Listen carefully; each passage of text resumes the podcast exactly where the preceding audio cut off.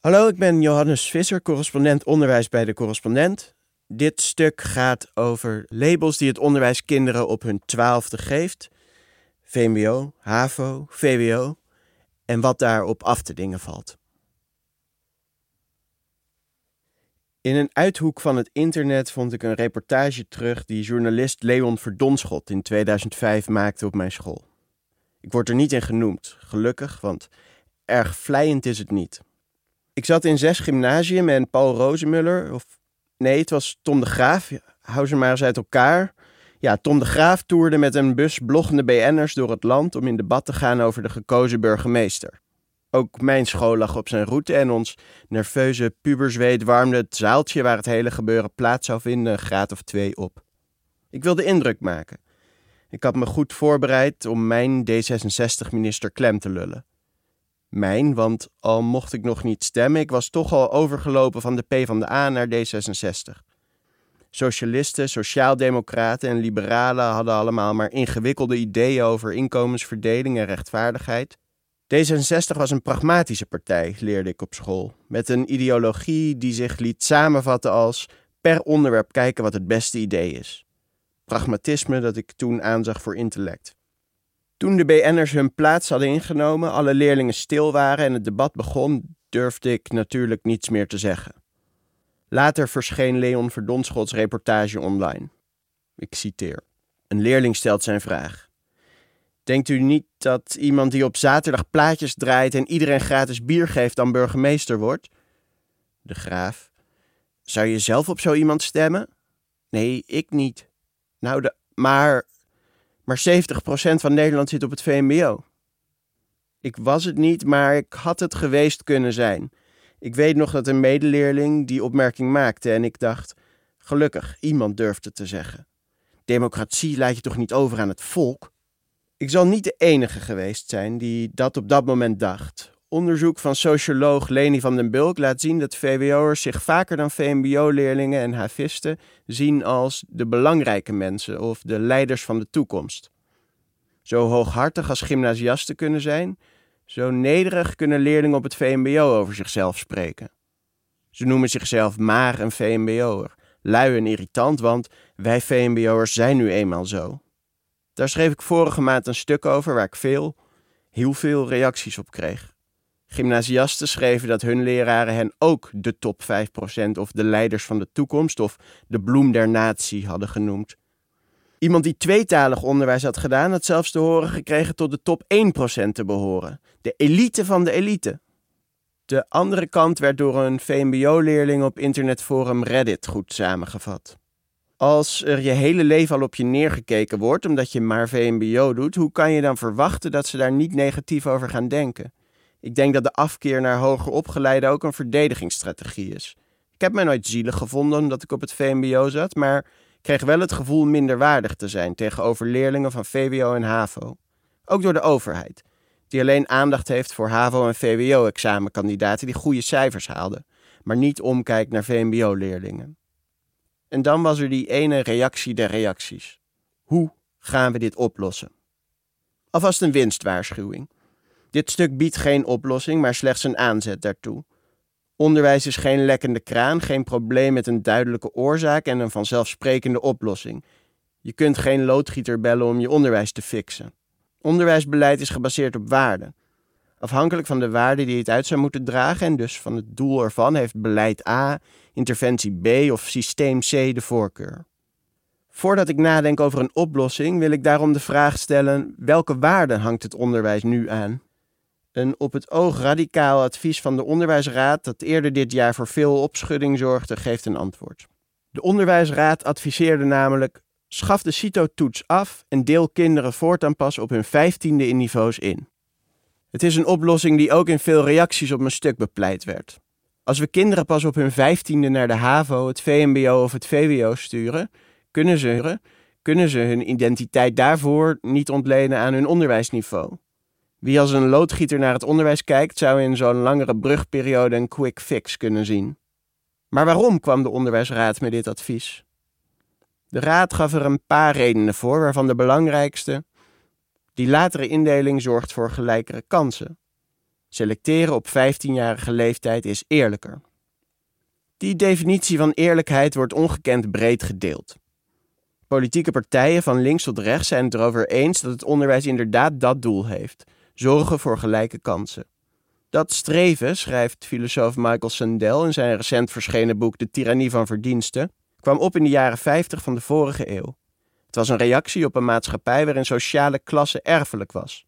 Boerenzonen werden boerenvaders en het kind van de dominee kwam later, bij wijze van spreken, zelf op de kansel terecht. Steeds meer mensen hadden hun twijfels bij zo'n maatschappij, waarin je afkomst je toekomst voorspelde. Zou het niet rechtvaardiger zijn om maatschappelijke posities te bepalen op basis van talent en inzet?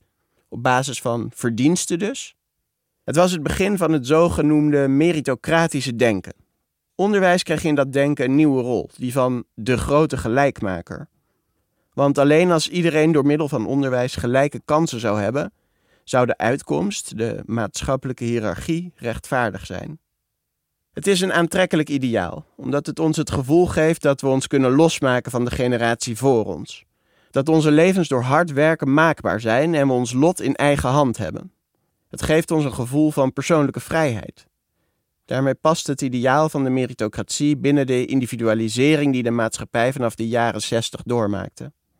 Gelijke kansen als doel, met meritocratie als ideaal en persoonlijke vrijheid als belangrijkste waarde, dat was zo'n beetje de ideologie die het advies van de onderwijsraad uitdroeg. Binnen die ideologie is zo'n verlengde brugperiode geen gekke gedachte. Want inderdaad, kinderen op hun twaalfde na een CITO-toets op niveau indelen doet weinig recht aan individuele verschillen.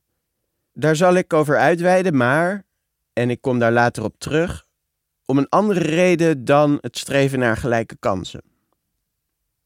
Niets maakt zo duidelijk dat het oneerlijk is om kinderen op hun twaalfde het label VMBO, HAVO of VWO te geven als dit banale feit.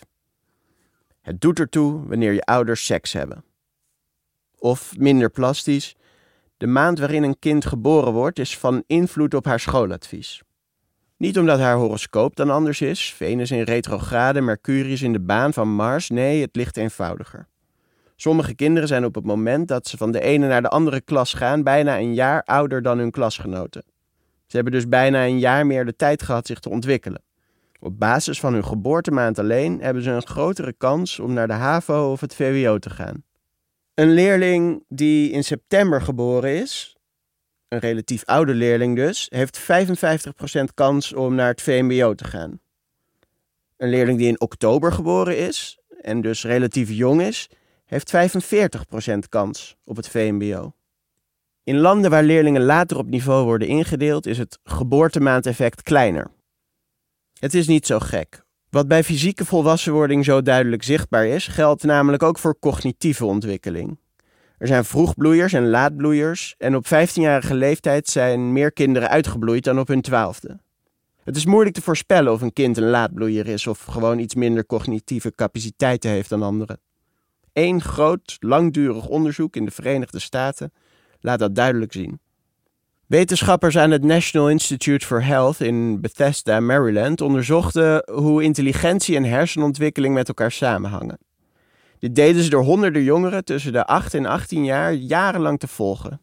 Ze deelden hen in drie groepen in: kinderen met superieure intelligentie, hoge intelligentie en gemiddelde intelligentie.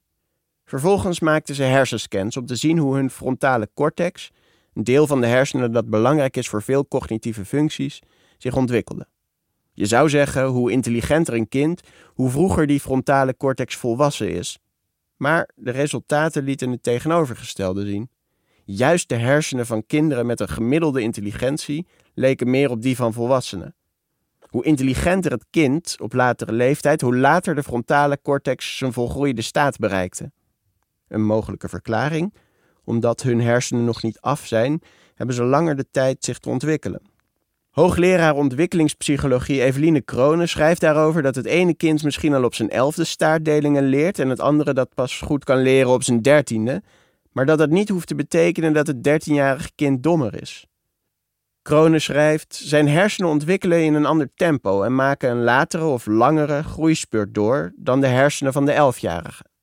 Dat blijkt ook uit groot internationaal onderzoek naar de taal- en rekenprestaties van 15-jarigen van over de hele wereld, waar Nederland ook aan meedoet. Een soort CITO-toets dus, maar dan drie jaar na de echte CITO-toets. Daaruit blijkt dat er veel overlap is tussen de prestaties van leerlingen van verschillende niveaus. Op 15-jarige leeftijd rekenen en lezen veel VMBO-leerlingen beter dan veel havisten en VWO'ers. Oftewel, een leerling zit dan bijvoorbeeld op het VMBO, maar zou een havist of VWO'er kunnen zijn als hij zijn CITO-toets drie jaar later had gemaakt, of andersom. Het lijkt zo'n objectieve scheiding die het Nederlandse onderwijs op 12-jarige leeftijd maakt. Een score tussen de 501 en 536 plaatst een leerling in een van de drie VMBO's. Wie tussen de 537 en 544 scoort, is een havist. En een score daarboven betekent dat een kind naar het VWO mag.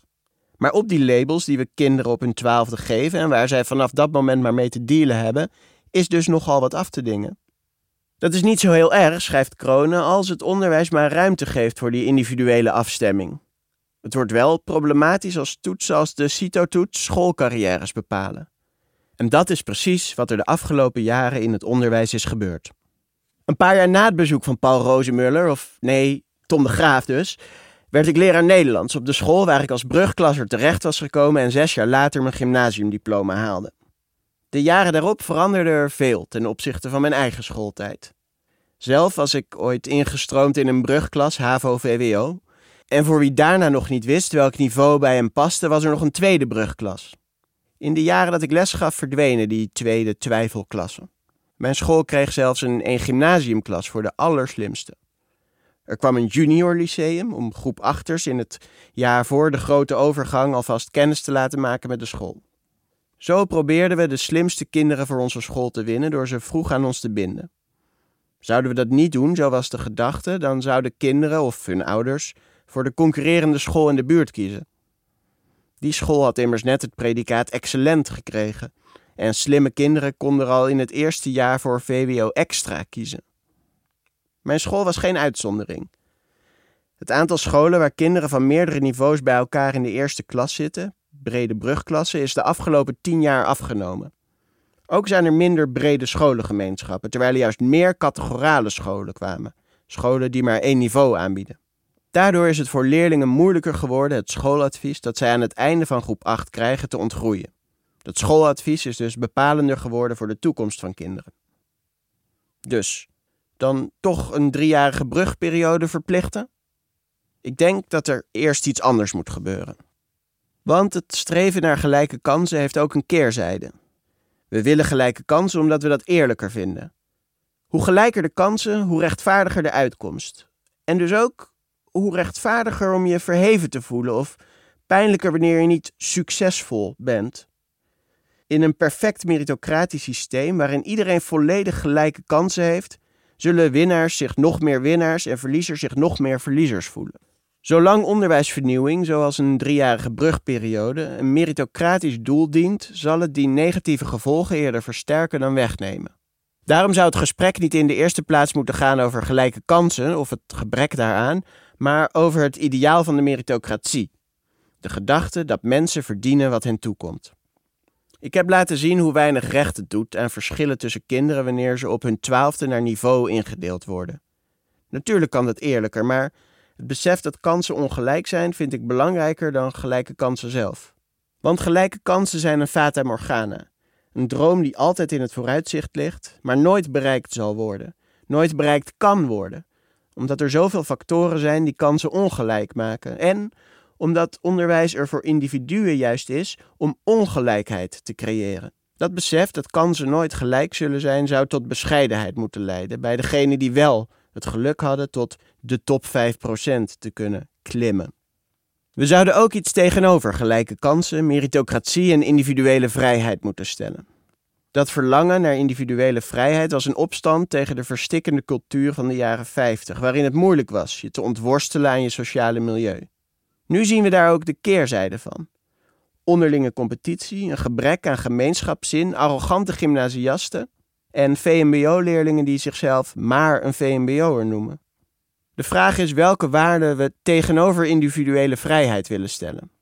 Filosoof Michael Sandel pleit voor bescheidenheid en meer waardering voor fysieke arbeid, maar blijft enigszins vaag over hoe we daar dan moeten komen. Een veel radicaler alternatief biedt de Amerikaans-Canadese conservatief journalist David Brooks in zijn boek De Tweede Berg. Brooks schrijft dat we het denkende brein overwaarderen. En zeker het onderwijs draagt bij aan een individualistische wereld die vooral het denken prijst. Niet voor niets eindigt iedere onderwijscarrière met een lijstje cijfers voor individuele cognitieve capaciteiten. Een rapport. Volgens Brooks is het denkende brein slechts het op twee na belangrijkste deel van ons bewustzijn. Belangrijker zijn het hart en de ziel. En die vind je niet in individualisme en onafhankelijkheid, maar in afhankelijkheid, relaties en gemeenschap.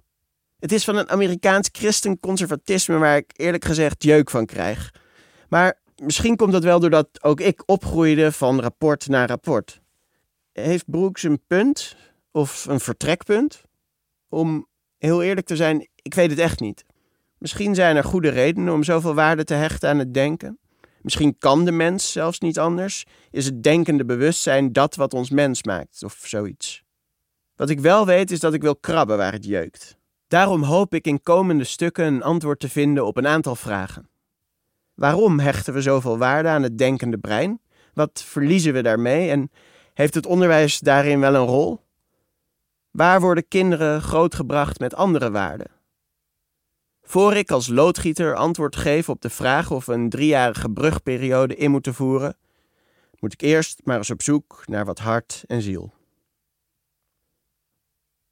Bedankt voor het luisteren. Wil je mijn verhalen over onderwijs blijven volgen, dan kan dat. Eens in de twee weken verstuur ik gratis een nieuwsbrief. Daarvoor kan je je abonneren en dat kan door te gaan naar decorrespondent.nl mail Johannes Visser. Doeg!